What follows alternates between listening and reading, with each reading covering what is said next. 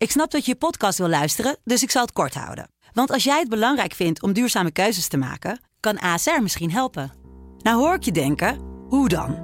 Nou, bijvoorbeeld bij het duurzaam herstellen van schade. Of de premies die we beleggen volgens ons duurzaam beleggingsbeleid. Dat bepaalt waar we wel en juist niet in investeren. Wil je meer weten over welke duurzame keuzes ASR maakt? Ga dan naar asr.nl slash duurzame keuzes. ASR doet het. Zo, dan kan je nu lekker naar je podcast luisteren.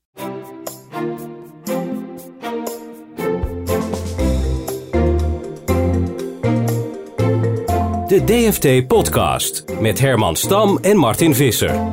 Ja, en vandaag uh, zijn we met onze podcast uh, te gast bij minister Wouter Koolmees op het ministerie van Sociale Zaken en Werkgelegenheid, uh, moet ik zeggen, in Den Haag.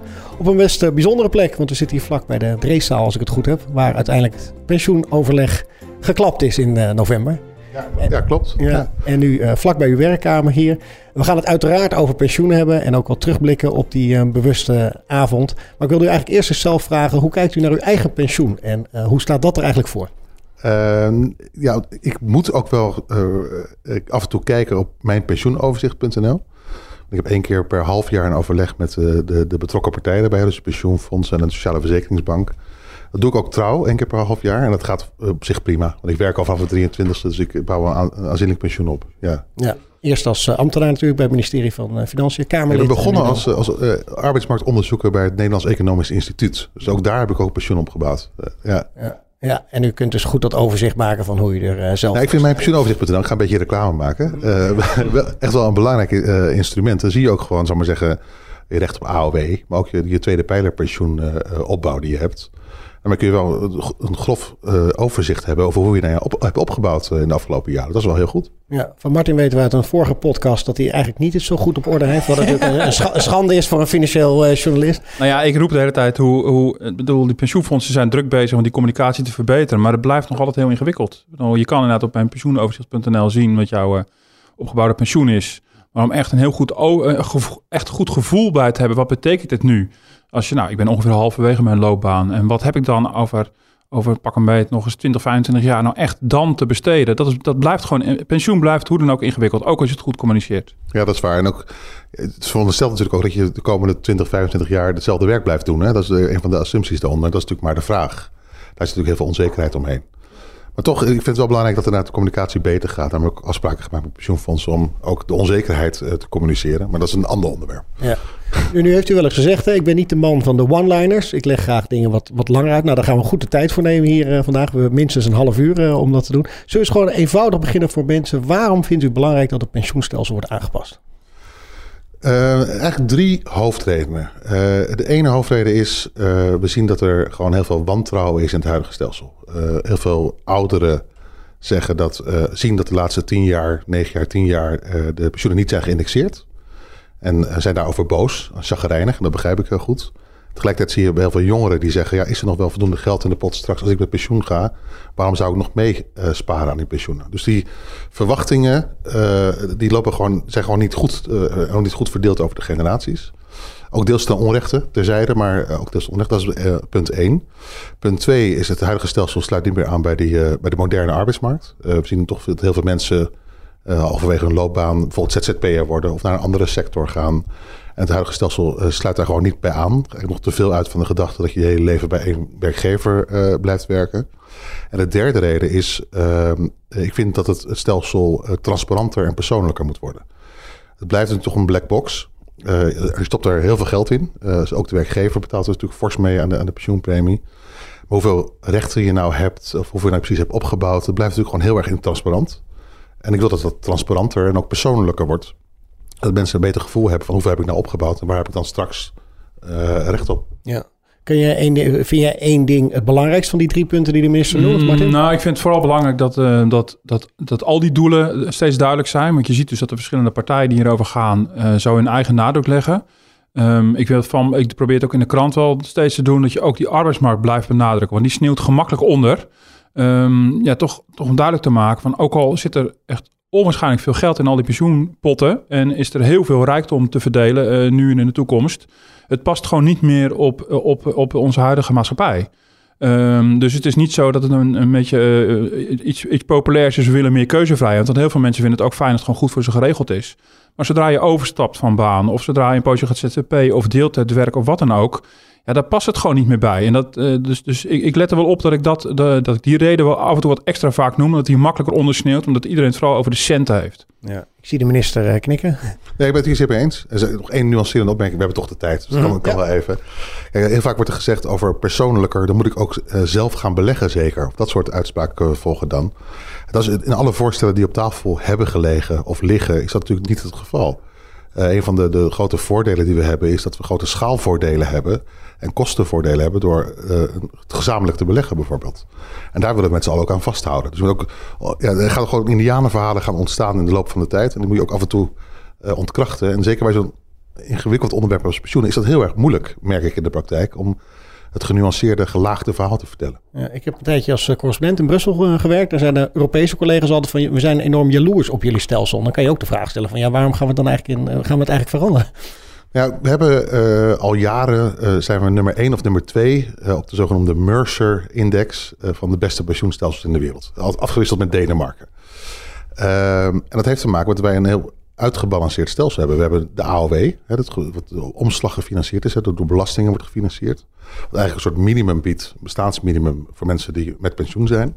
En daarboven hebben we een tweede pijler kapitaalgedekt systeem, waar we gewoon dus gedurende ons werkzame leven premie inleggen wat belegd wordt, waardoor we eh, kapitaalgedekt pensioen hebben.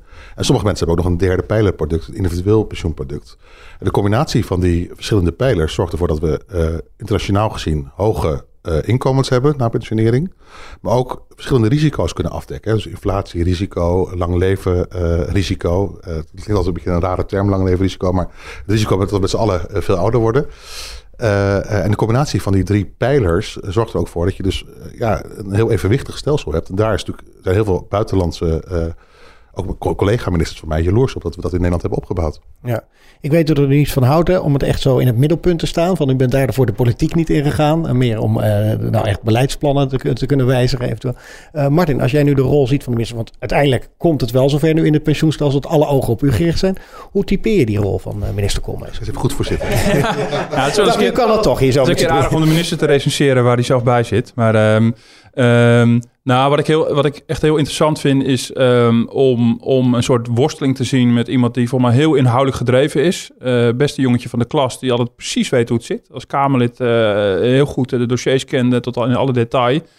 Ja, en nu met die weerbarstige uh, praktijk te maken heeft met allerlei polderpartijen, met belangen. Uh, daar gaat het ineens allemaal niet zo rationeel aan toe. Uh, met vakbonden die met achterbannen zitten, die eens overleggen met een, met een GroenLinks-Kamerlid of met een PvdA-leider. Ja, en hoe ga je daarmee om? En ga je, hou je vast aan je principes of doe je op een gegeven moment ook water bij de wijn? Nou, de afgelopen maanden zagen we natuurlijk dat er wel degelijk her en der water bij de wijn uh, werd gedaan. Wat natuurlijk ook weer op kritiek komt te staan van mij of anderen. Uh, nou, dat vind, ik, dat vind ik wel interessant. En ik denk dat het niet anders kan als, als, als bewindspersoon ja, vuile handen klinkt misschien een beetje zwaar. Maar je, op een gegeven moment, je, je zal ook een beetje moeten gaan schuiven. Ik bedoel, als je alleen maar in principes vasthoudt, dan kom je natuurlijk nergens. En uh, nou, ik vind het, vind het wel interessant om te zien. Maar juist nu in deze fase, maar goed, daar gaan we het nog over hebben. Uh, als het maar de vraag is of die polderdeal er ooit gaat komen, wat dan? Uh, ga je dan toch weer dat principiële spoor bereiden? En op een gegeven moment denk je, nou, het zal allemaal wel. Wat de hek, die polder, ik ga gewoon door. Dat wordt een interessante krachtmeting, denk ik. Herkent u zich in de analyse? Dat, dat, dat kan je natuurlijk nooit over jezelf zeggen. Wat ik wel herken uh, uh, is inderdaad...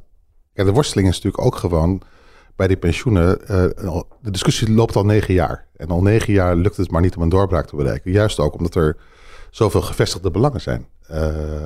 ook aan de vakbondskant, maar ook aan, aan de werkgeverskant. en ik vind het wel mijn uitdaging om hier nu een knoop over door te hakken. En we gaan zo uitgebreid vooruitblikken, uh, ook op uw tienpuntenplan. Maar we gaan eerst eens even achteruit kijken. We, we, ik had het net al over, hè, de, de, de Dreeszaal hier uh, vlakbij. We gaan even luisteren naar een fragment uh, vlak nadat het overleg mislukt. Als kabinet zijn we heel ver gegaan om een pensioenakkoord mogelijk te maken. Maar de vakbonden durfden niet te springen. Nou, we hadden een pakket neergelegd voor bijna 7 miljard euro. die dat doel had om het sneller te kunnen indexeren van de pensioenen. Die ook een oplossing bood voor mensen met een zwaar beroep. En die ook uh, uh, de ruimte bood om uh, de komende jaren echt aan het toekomstbestendig pensioenstelsel te werken. Maar ook kortingen op korte termijn konden worden voorkomen. En ik ben zeer teleurgesteld dat dat helaas niet is gelukt. Ja, u kwam hier de trappen afgelopen. Ik was er zelf niet bij, maar je kan wel aan uw stem horen dat er enorme teleurstelling in klinkt. Ja, dat was ook zo. Ik was ook uh, echt uh, zwaar teleurgesteld. vlak daarvoor, ik weet het niet meer helemaal precies, maar vlak daarvoor hadden we een nachtje doorgehaald. Tot zes uur s ochtends zitten onderhandelen. En toen had ik echt het gevoel, nou, we zijn er bijna. we gaan hier uitkomen met z'n allen.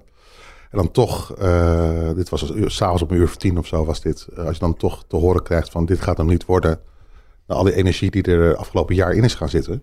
En niet alleen van mij, maar ook van de, van de ambtenaren hier op het ministerie.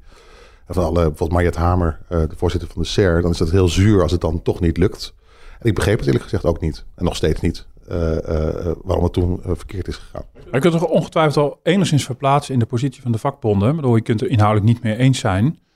Maar ja, ga zelf maar eens voor het ledenparlement staan. Die, die, die honderd vakbondsleden die uiteindelijk daar de dienst uitmaken. En die hebben daar een trauma van, heb ik jou daar, van een, van een eerder pensioenakkoord van een jaar of tien geleden.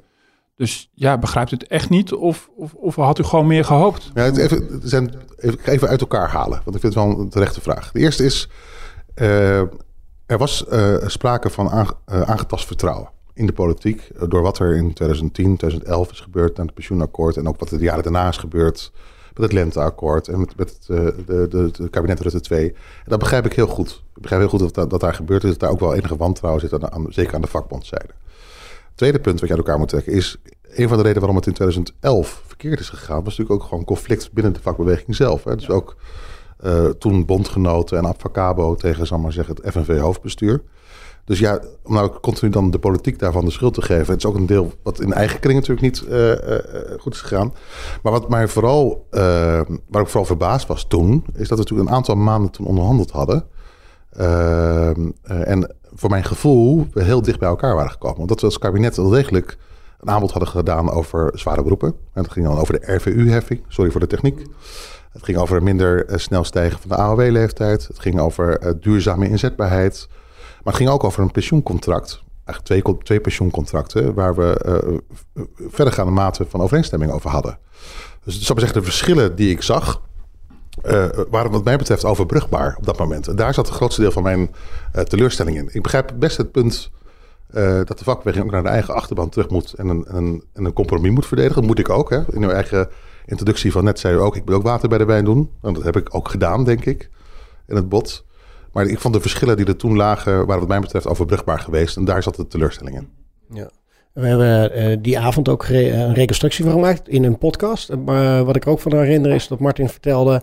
Uh, toch de rol ook van PvdA en SP richting die vakbond. Herkent u daar iets van?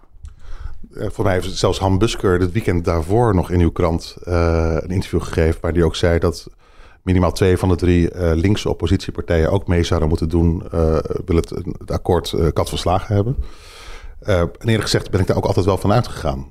Ik, ik, had altijd de redenering, kijk, zo'n hervorming van het pensioenstelsel gaat minimaal vijf tot tien jaar duren. dus ook mijn opvolger en de opvolger daarvan gaan nog te maken krijgen met die, die stelselherziening. Dat betekent dat je gewoon een breed politiek draagvlak nodig hebt om dit goed te kunnen doen. Uh, dus ik was ook altijd vanuit gegaan dat we ook uh, breed politiek draagvlak moesten hebben. Ook bij die partijen. En ook bij andere oppositiepartijen in de Tweede Kamer. Dus dat verbaasde mij niet. Um, ja, ik kan, ik kan er heel veel, heel veel dingen over vertellen. Maar dat was ook de insteek van het hele pakket wat we als kabinet op tafel hebben gelegd. Dat het ook op draagvlak kon rekenen bij die andere partijen. Want we wisten dat ze zich daar ook zorgen over maken. En als u nou terugrijdt in uw dienstauto en u denkt van nou, ik maak vast een analyse ervan had ik iets anders kunnen doen waardoor het wel meer kans van slagen had gehad? Ja, natuurlijk zijn er altijd dingen, uh, als je terugkijkt. sorry, ik ga niet alles met u delen, want sommige dingen zijn ook vertrouwelijk natuurlijk van de onderhandelingen. Dat je denkt, is het nou verstandig geweest om op dat moment dat te doen? Natuurlijk heb je dat ook. Uh, je gaat die film voor jezelf ook terugdraaien, natuurlijk. Van waar hebben we nou een fout gemaakt? En natuurlijk hebben wij ook fouten gemaakt uh, aan, aan kabinetzijde. Zoals? Wat, wat is, nee, er, zijn ongetwijfeld, er zijn ongetwijfeld dingen die wel te delen zijn. Maar wat denkt u van nou, als we weer opnieuw om tafel gaan, dan ga ik dit anders doen? Um, nou, nee, dan ga, ik, dan ga ik echt de vertrouwelijkheid van onderhandelingen in. En dat, dat vind ik... Uh, dat... Maar is het inhoudelijk of is het qua toon of een andere aanpak? Of, uh... dat, dat, is inhoudelijk en tactisch. Ook, ja. ook, ook, ook, tactisch. Uh, ja, er zijn tactische fouten gemaakt. Ja, nee, ik, ik, vind dat op sommige onderdelen... Je draait, wat ik net zeg, je draait in de film terug. En dan denk je, als we dan net iets anders hadden gedaan... of net iets beter hadden gevoeld... waar nou precies de, de weerstand zat Hadden we dan anders mee omgegaan, hadden we dan een andere stap gezet. Misschien had dat dan gekund. Dat heeft dus ook te maken met het verwerken, zal maar zeggen, van die paar maanden onderhandelingen. Dus, en ja, je vindt ook dat je altijd kritisch moet zijn naar je, naar je eigen optreden. en niet alleen maar de schuld bij anderen moet neerleggen. Maar, los daarvan vind ik dat we nog steeds, en daar blijf ik ook bij, staan, die quote die u net liet horen dat we als kabinet in november een heel goed en een fors pakket hebben neergelegd om ook tegemoet te komen aan de wensen van de vakbeweging. Met name van de vakbeweging. Soms wordt ook wel eens gezegd van uh, premier Rutte werd te snel ingeschakeld. Als je in de reconstructie leest.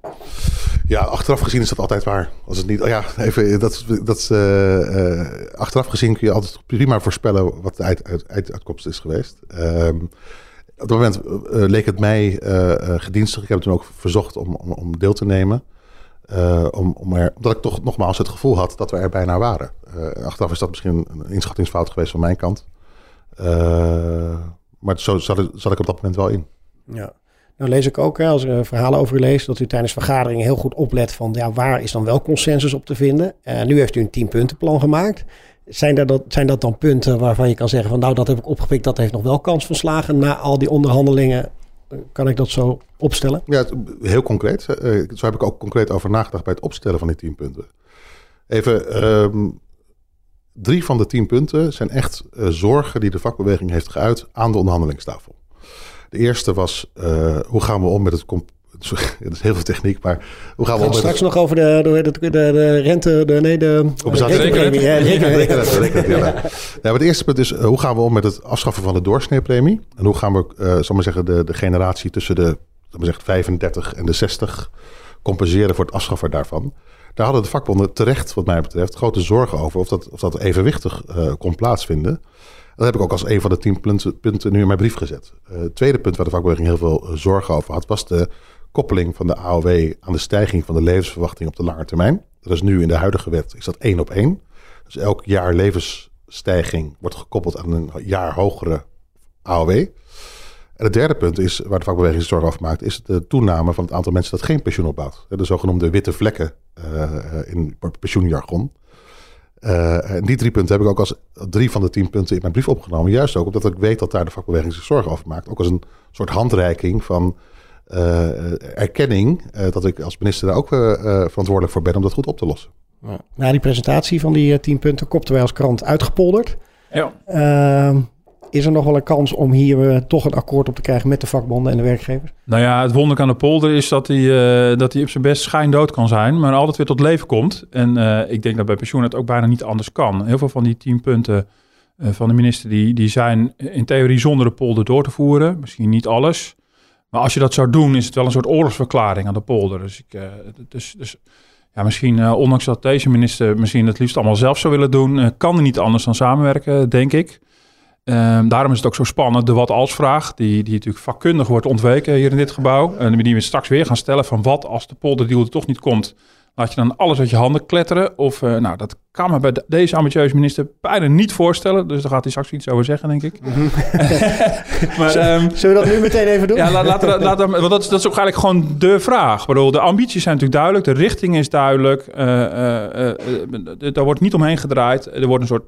Ja, er wordt heel duidelijk gemaakt, die kant moet het op. Ja, wat nu als die polder niet mee wil werken? Je, je zal toch iets moeten? Ja, het wordt een grote teleurstelling dit. Uh, ik heb de afgelopen weken, maanden uh, heel vaak deze vraag gehad natuurlijk. En ik heb steeds uh, geantwoord op als dan vragen ga ik niet in. Omdat ik er ook gewoon van overtuigd ben dat ook werkgeversorganisaties en ook werknemersorganisaties allemaal belang hebben bij om hier gezamenlijk uit te komen. Dat heb ik ook gemerkt de afgelopen maanden aan de onderhandelingen. Ook de werkgevers worden geconfronteerd met boze werknemers die inderdaad niet geïndexeerd worden in hun pensioenen. Die ook zien dat het uh, misschien ook wel op lange termijn onbetaalbaar wordt. En ook de vakbonden zien ook dat het, uh, dat het tot heel veel chagrijn leidt. Dus ik ben ervan overtuigd. Sorry dat ik om. Is dat ook in uw voordeel? Dat die druk er daardoor zo opzet dat mensen bang zijn dat de kortingen er snel aankomen?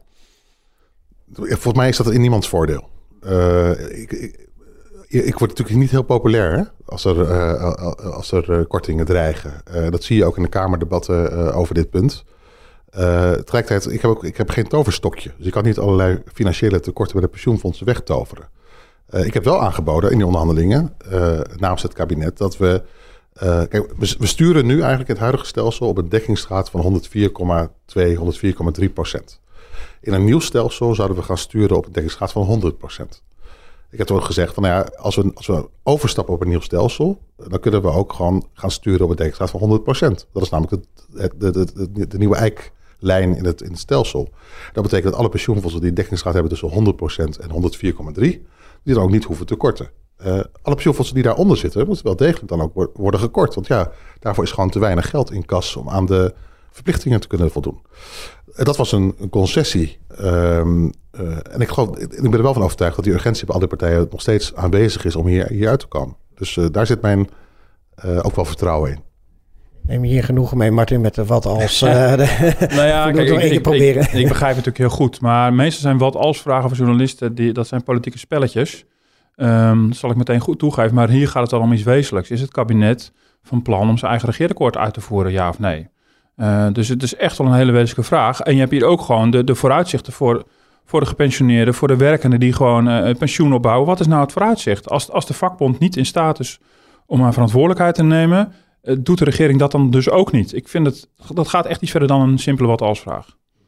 Nou, op zich eh, ga ik mee met deze redenering. Uh, en is het ook inderdaad anders dan een normale als dan vraag. Want ik zie ook wel dat, het, dat er gewoon een, zeggen, een, een belang is voor de hele Nederlandse samenleving. Die zie ik ook. Uh, tegelijkertijd moet u ook erkennen dat iedere keer als ik daar iets over zeg, het wordt gezien als een oorlogsverklaring of een dreiging of iets. En dat, ja, even, ik ben geïnteresseerd in het resultaat. En, en ben geïnteresseerd in dat we hier gewoon een stap zetten met elkaar. En ik ben niet zo geïnteresseerd in het spelletje eromheen, eerlijk gezegd. Uh, dus, dus ook vanuit mijn, mijn zelfbescherming, om het zo maar eens te zeggen, geef ik geen antwoord op deze vraag. Maar je continu ziet dat het een soort spelletje in de media dan wordt van... oh, Koolmees dreigt weer ergens mee en het is een schande dit en een schande dat. dus ja, het belang is groot. De urgentie is ook nog steeds groot. Het zagrijn is ook nog steeds groot. En dat betekent dat die combinatie van die factoren voor mij belangrijk is om gewoon hard door te werken. Daarom heb ik ook die brief gestuurd met die tien punten. Ik, gewoon, ik kan niet stil blijven zitten. Die punten moeten gewoon uitgewerkt worden. We hebben soms uh, rondleiding op de krant, uh, waar ook gepensioneerden bij lopen. dat is al nummer één waar ze over beginnen. Voelt het niet als een soort lode last ook voor u, dat u daar nu verantwoordelijk voor bent? En dat het, en dat het zo'n star proces is? Nou, zo, zo voel ik het niet. Ik, ik, moet wel zeggen, ik ben al heel lang bezig met pensioenen. Ook als, als, als, als ambtenaar ministerie van Financiën was ik al bezig met pensioenen. Ik heb als Kamerlid ben ik de, de pensioenportefeuille een paar jaar gehad. Financieel woordvoerder ben ik geweest. En nu als betrokken minister. Dus ik ben al heel lang betrokken bij deze discussie. Dus ik ben al zeer persoonlijk ook gemotiveerd om hier een knoop door te hakken. En een stap vooruit te zetten. En ik denk ook dat het echt wel hoog tijd wordt dat we dat doen. Omdat we al tien jaar lang deze discussie hebben in Nederland. En hoe langer die discussie duurt, hoe meer het vertrouwen in het stelsel wordt aangetast. En hoe meer het, het toeneemt. Dat zie je ook gewoon. En dat merk ik ook, zal maar zeggen, als ik. Uh, afgelopen vrijdag was er een protest bij de ministerraad uh, van de vakbeweging. Er zit gewoon heel veel boosheid en zaggerijn. Die ik heel goed kan begrijpen. En die ik graag, zal maar zeggen, opgelost wil hebben.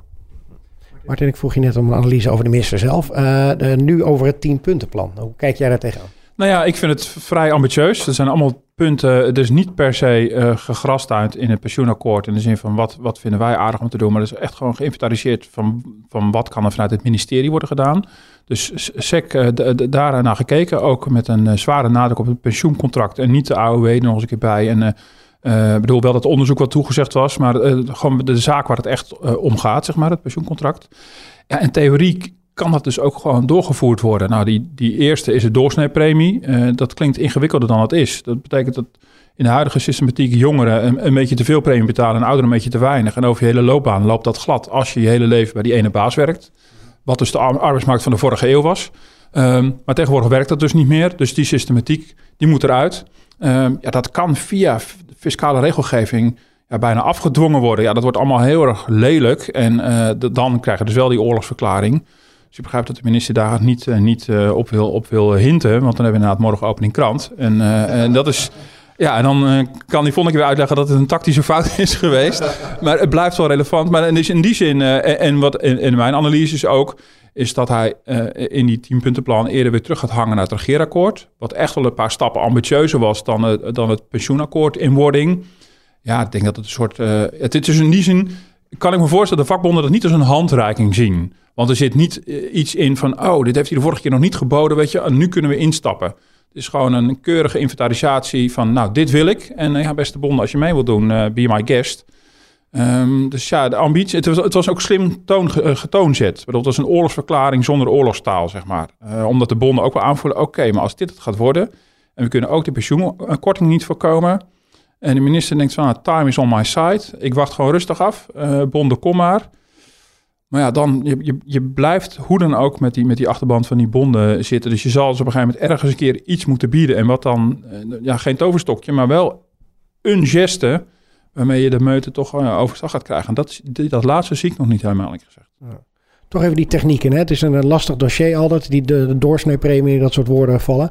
Uh, dan lees ik dat het wel 60 miljoen, we zijn alle drie hier aan tafel, 40ers volgens mij als ik het goed heb, dat het vooral voor ons drieën uh, heel zwaar kan vallen als daar wijzigingen in komen. En dat er nou iets van 60 miljard wordt dan genoemd, gezocht moet worden eigenlijk om dat te gaan compenseren. Ja, dat is ook een soort, is soort mythe. Kijk, de 60 miljard of de 100 miljard zijn verschillende eh, bedragen en omloop. is eigenlijk de herverdeling binnen de deelnemers van het pensioenfonds. Uh, hoe zit het nou precies? We hebben een doorsneepremie.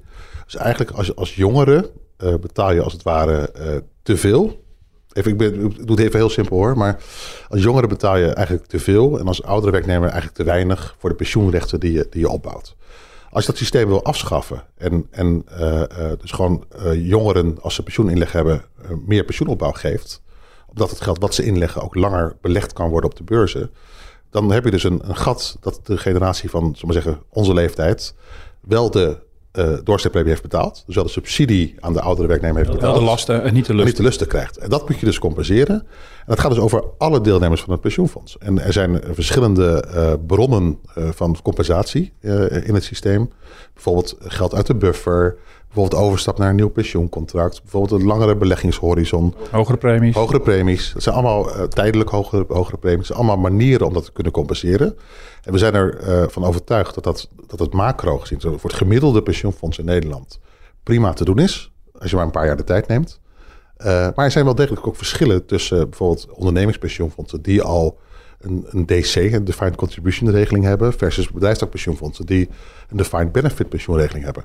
En daar zitten de verschillen tussen. En die zijn we nu, een van die tien punten is dat in kaart brengen om te kijken of we dat kunnen, voor die onze generatie, zou maar zeggen, ook kunnen compenseren, zodat die uitslagen niet te groot worden uh, uh, van die, tussen die verschillende deelnemers.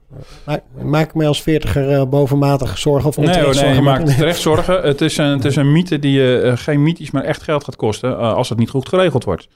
Bedoel, natuurlijk, iedereen is erop gericht om het te compenseren. Dus in die zin is het, is het geen mythe. En het lastige is een herverdeling over leeftijdscohorten en een herverdeling over tijd. Maar als iets ingewikkeld is in de politiek, is het herverdelen. Uh, dan heb je echt de pop aan het dansen. Dus je moet op een manier gaan schuiven met geld in de tijd, uh, zodat die gaten gedicht worden. En niemand kan natuurlijk garanderen dat voor de veertigers, want die zitten dan ongeveer halverwege, die gaten volledig worden gedicht. Dus je hebt best kans dat je daar nog een paar procent uh, verlies aan overhoudt aan het eind van de rit. Dat maakt het natuurlijk wel moeilijker te accepteren dat die verandering er komt. Nou ja, dat erken ik. En tegelijkertijd is het ook zo dat niemand aan de onderhandelingstafel, de werkgevers niet, de, de, de vakbonden niet en ook het kabinet niet, wil dat die mensen niet worden gecompenseerd. Hè. Dus uh, de, alle belangen zijn, staan in dezelfde richting.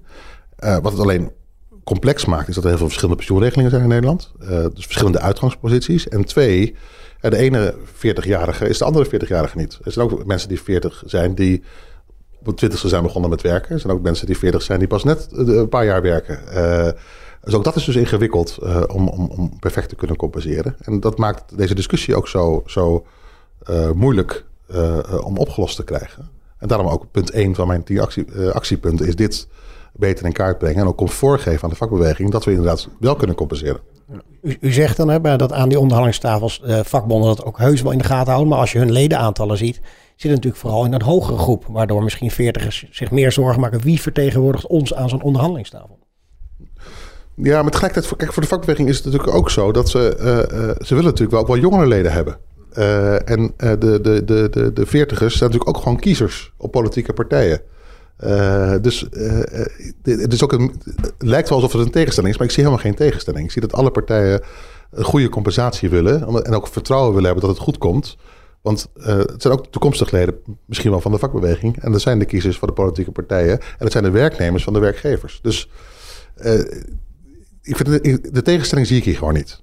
Dit is, dit is technisch ingewikkeld. Dit moet netjes in kaart worden gebracht. Maar dit is niet een belangentegenstelling. Nou, de tegenstelling zie ik wel. En ehm, met name binnen de vakbonden. Uh, ik ben heel blij dat we dit weer een beetje op de kaart hebben kunnen zetten. Want dit gaat echt over het nieuwe pensioenstelsel. Dit is een wezenlijk onderdeel wat heel technisch is. Maar, maar als het misgaat, de mensen in de portemonnee raakt. De werkenden die bezig zijn met pensioen op te bouwen. Ja, maar dat ben ik met je eens. En, uh, en, en, je zag in mijn oeverloze rondjes bellen die ik deed de, de, de, maanden van die onderhandelingen. Dat bij de FNV het voortdurend over de AOW ging. En, en de doorsneepremie, nou, dat, dat noemden ze bij wijze van spreken niet eens. En bij de twee andere bonden, veel kleinere bonden, die maakten zich veel drukker hierover. En die waren bang om uh, dat er over hen heen zou worden gewalst. En die wilden vooraf garanties hebben, ook van premier Rutte. En die garanties die waren voor hun te weinig. Dus dit is wel echt een nieuw momentum om dit specifieker op de kaart te zetten. Ja, en die brief geeft daar wel uh, in ieder geval opening om dat duidelijker in kaart te gaan brengen. En ik ben blij in ieder geval dat dat weer duidelijk in beeld is dat het echt niet alleen maar om de AOW draait, maar ook, ook om deze compensatie in een pensioensysteem. Ja, daar ben ik met je eens. Het is, altijd voor mij een, persoonlijk een heel groot punt geweest. Uh, en goed dat het weer inderdaad op de agenda staat. Martin noemde het even, de arbeidsmarkt van de vorige eeuw. Uh, hoe houdbaar is dit hele stelsel nog met al die ZZP'ers tegenwoordig die eigenlijk helemaal niet voor hun pensioenen sparen? Wat, wat is uw blik daarop? Ja, dat is een van de drie uh, redenen die ik in het begin van deze uitzending noemde waarom we het stelsel moeten hervormen. Uh, kijk, als we over overstappen, dus de doorzettingspolitiek afschaffen en overstappen op meer persoonlijke opbouw, uh, kunnen we ook uh, ZZP'ers bijvoorbeeld verleiden om deel te nemen aan de pensioenfondsen. Dan wordt het namelijk gewoon een heel aantrekkelijk alternatief om, om, voor je pensioen te sparen. Heel transparant, heel inzichtelijk. Ik denk dat het ook aansluit bij de moderne arbeidsmarkt. dus daarom, dat is een van de drie hoofdlijnen wat mij betreft van het beleid. Het is weliswaar een podcast, dus we hebben even de tijd, maar we moeten toch een beetje sneller door het programma heen. Want ik wil het ook nog over de AOW-leeftijd hebben en de zware beroepen. We kunnen wel tien minuutjes doorpraten. Ja, ja. Eerst wil ik eventjes een, uh, een, fragment laten luisteren van mensen. En nou, dan kunnen we zo eens definiëren wat we precies als zware beroepen zien. Maar dit zijn een aantal uh, verpleegsters die zich ook zorgen maken over hun pensioen.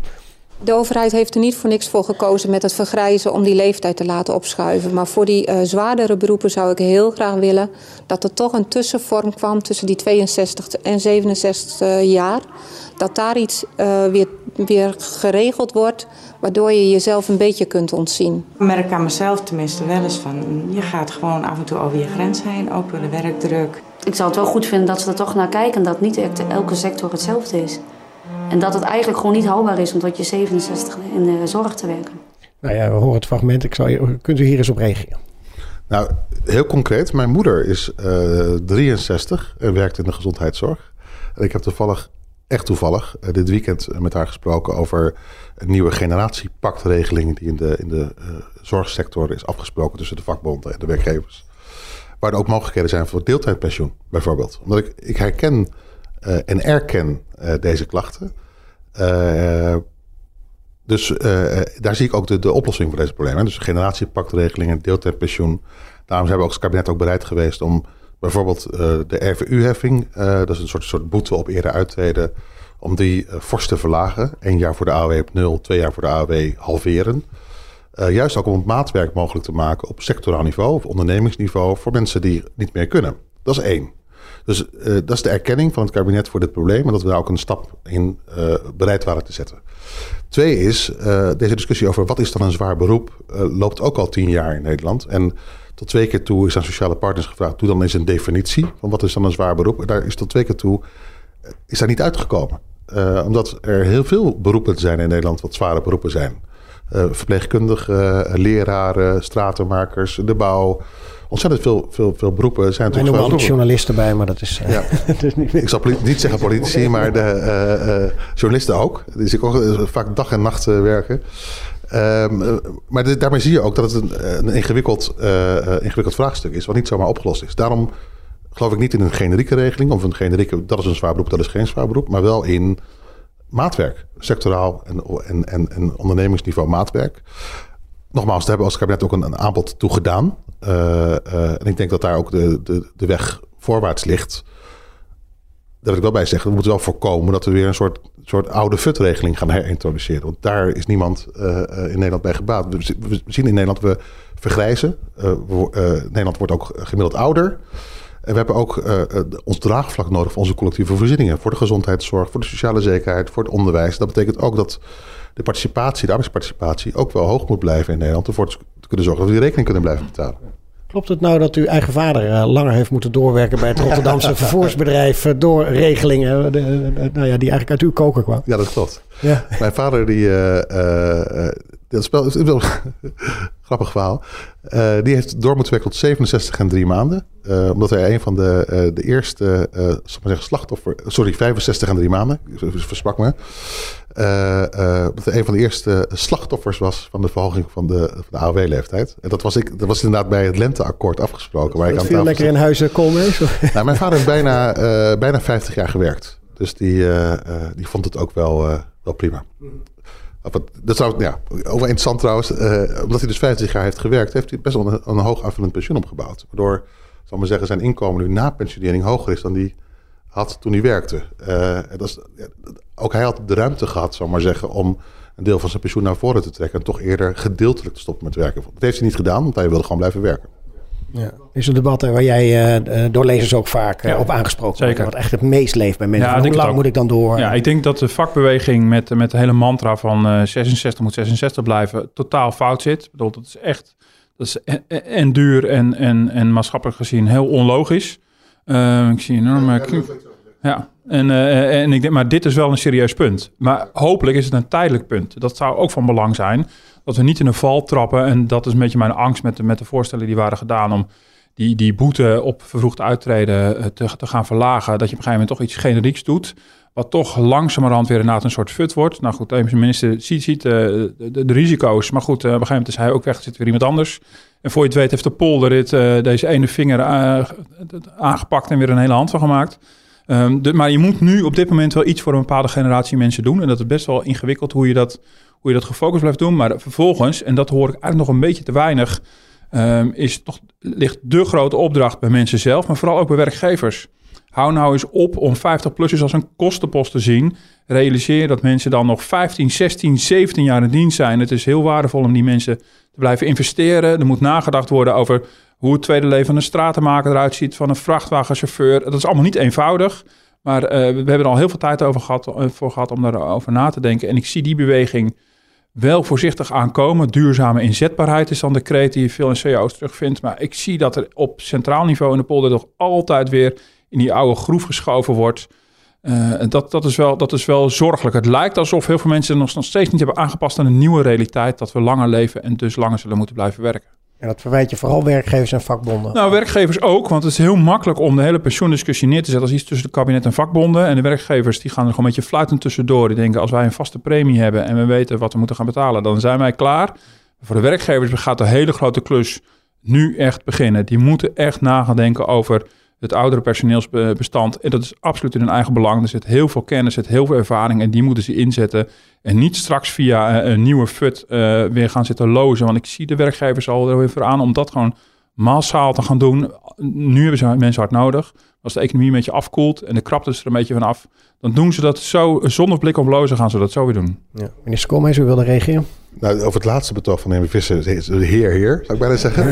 Ja, ik, ik, ben het er zeer mee eens. En ook uh, in mijn eigen beleid heb, heb ik uh, nu stappen gezet om ervoor te zorgen, uh, bijvoorbeeld via een loopbaan-APK. dus iemand die 45 is, die in een zwaar beroep zit. eigenlijk de vraag stellen van, ga je dit ook volhouden tot je pensioenleeftijd? En zo nee, wat gaan we dan doen aan omscholing en bijscholing... om ervoor te zorgen dat je in een andere sector of een ander beroep uh, aan het werk kunt. Maar ik, vooral, dus ik ben het daar zeer mee eens. Uh, en ik vind ook dat daar uh, zeker in deze krappe arbeidsmarkt... ook werkgevers een grote rol in hebben om dat voor elkaar te boksen. Die kunnen dat ook. Er zijn overigens een paar goede voorbeelden ook. Hè. Bijvoorbeeld de brandweer is echt nu bezig om, om brandweermannen die 45 zijn... waarvan we weten als, als de, de, de, mensen 63, 64 zijn, dat het echt ingewikkeld wordt om met 60 kilo op je rug een brandend huis in te gaan. Om, dan, om dat echt dat beleid ook gewoon in de organisatie te, te verankeren. Daar ben ik heel, heel positief over. Maar waar ik vooral ook wilde reageren, is het punt over die, die 66. Want als je de, de AOW-leeftijd nu uh, zou bevriezen op 66, uh, eh, kost dat heel veel geld voor de overheidsfinanciën. Het zorgt ook voor dat we het draagvlak voor de collectieve voorzieningen in de toekomst weer ondergraven. Dus voor de, de, de, betaalbaarheid van de zorg en de sociale zekerheid in de toekomst. Maar het zorgt er ook voor, dat is vaak een, een onderbelicht thema, is ook dat de pensioenfondsen gewoon natuurlijk onder druk komen te staan. Want de pensioenfondsen rekenen nu eigenlijk met een, met een pensioenleeftijd van 68 in 2028. Daar zijn de premies op gebaseerd. Dus als je fors naar beneden zou gaan, dan zou ook de, ofwel de premies fors omhoog moeten. Of de, de, de, de ambities fors naar beneden. En de dekkingsgraden van de pensioenfondsen onder druk komen te staan. Hoeveel moet die premies dan omhoog van de pensioenfondsen? Ja, dat, dat, dat is niet uh, makkelijk te zeggen. Uh, dat hangt weer per, per fonds en per deelname natuurlijk uh, verschillend. Maar ja, twee, stel nou dat je uitgaat van 66 in plaats van wat er nu 68... zijn natuurlijk wel twee hele dure jaren voor pensioenfondsen. Ik denk een orde van groot 10, 15 procent. Maar dat is een, een, hele natte vinger hoor, die ik nu, uh, nu doe. Ja, en de vakbonden zijn bereid om dat van de loonruimte af te halen, blijkbaar. Nou, daarom, daarom vind ik het ook zo bijzonder dat dat weinig aandacht heeft in deze discussie. Het gaat vaak alleen maar over zal zeggen, de AOW en de kosten voor de overheidsfinanciën. Uh, uh, maar er zit ook een grote werkelijkheid achter, achter namelijk de, de, de, betaalbaarheid van de pensioenen en de dekkingsgraad van de pensioenfondsen. En dat is vaak weinig belicht. Pensioenfondsen en werkgevers en werknemers aan de CAO-tafels rekenen natuurlijk al met een stijging van de pensioenleeftijd de komende jaren. Dat zit al verwerkt in hun, in hun pensioenpremies en in hun, belegging, in hun dekkingsgraden.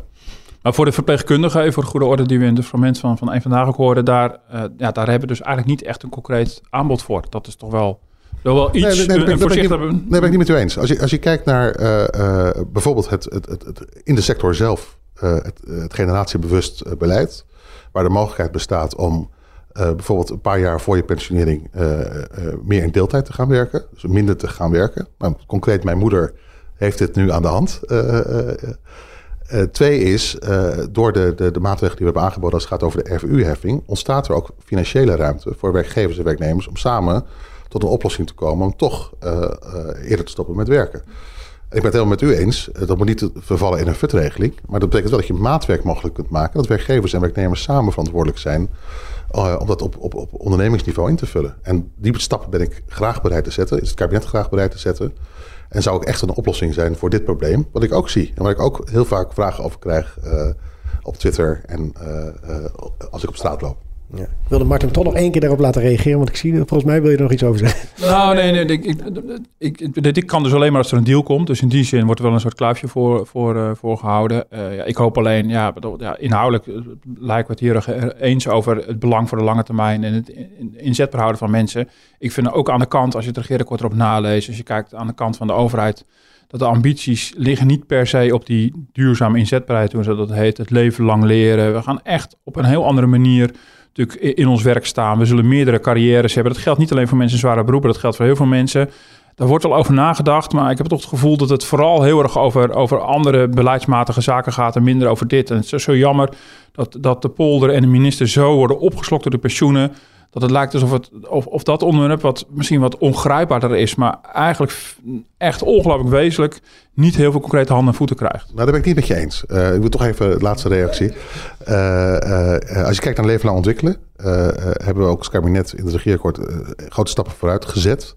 We zijn nu samen met werkgevers en werknemers daar wel goed bezig om inderdaad naar persoonlijke leerrekeningen te gaan. Uh, die juist voor moeten zorgen dat mensen meer regie kunnen, kunnen uh, gaan voeren over hun eigen loopbaan. er is ontzettend veel geld beschikbaar in de ONO-fondsen, in de, in de CAO-afspraken over scholing.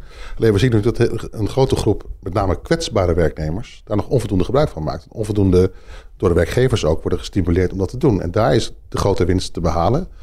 Uh, en daar is de SER ook heel actief mee bezig om, om die stappen vooruit te zetten. Dus daar ben ik niet helemaal met u eens. Ja. Tot slot, een podcast is lang, maar we moeten, u heeft een drukke agenda. Uh, laatste vraag, misschien moeilijk te beantwoorden voor u. Ik begin daarom bij, uh, bij Martin. Wanneer, hebben, wanneer hebben we dat nieuwe pensioenstelsel, Martin? Uh, ja, nou, dat, nou ja, kijk, de gedachte is natuurlijk dat na de verkiezingen, de provinciale statenverkiezingen en de nieuwe Eerste Kamer, een nieuw politiek momentum ontstaat. Dat wordt nog wel, nog, dat gaat niet vanzelf. als het kabinet de meerderheid in de Eerste Kamer verliest, heb je natuurlijk, dan heb je al helemaal dus met de linkse oppositie te maken. Het lijkt me in alle gevallen goed dat je die meeneemt. Het is zo'n grote verandering. Uh, ik zie nog niet de, de, de, de extra's die worden voorgehouden aan aan de vakbonden, zo, als je dat al zou, zou willen. Dus ik zie voor de vakbonden hebben eigenlijk alleen maar nog steeds dezelfde redenen om een deal te willen sluiten. Namelijk gewoon voor hun achterban een goed stelsel uh, pensioencontract uh, af te spreken. Dus ik ben benieuwd of er nog wat in de, in de achterzak zit. Ja en, ja, en het zou mij toch niet verbazen als die polderdeal uitblijft, dat deze minister gewoon, uh, dat hoop ik stilletjes met je, gewoon onverdroten doorgaat. En gewoon stapje voor stapje van punt 1 tot en met punt 10 ze één voor één gaat afwerken. En de polder gewoon een bepaalde kant op dwingt. Maar ik ben benieuwd of hij dat gaat durven. Tot slot de minister. Wanneer? Uh, ik hoop uh, uh, zo snel mogelijk. Ehm, vorige week maandag waren hier in de, in de, de hal van het ministerie... waren politievakbonden aan het staken. die gaven ook... Gerrit van den Kamp, de voorzitter van de politievakbond, gaf ook aan... Vakbeweging is nu bezig met acties. tot 18 maart lopen de acties. Dus ik verwacht eerlijk gezegd voor die periode... niet veel beweging. Ook dat de vakbeweging zelf aangeeft eerst die acties te willen uitvoeren. Eh, maar ik hoop dat, dat snel daarna wel ook de, ruimte ontstaat om weer aan tafel te komen en hieruit te gaan komen. Ook omdat ik, als ik stappen wil zetten, ik ook wetgeving ehm, moet aanpassen. Die ook langs de Raad van State, langs de Tweede Kamer, langs de Eerste Kamer moet. Om tijd ook ingevoerd te kunnen krijgen. Dus wat mij betreft zo snel mogelijk. Ik heb al eerder gezegd, je kunt me dag en nacht wakker maken voor een nieuwe ronde onderhandelingen over pensioenen.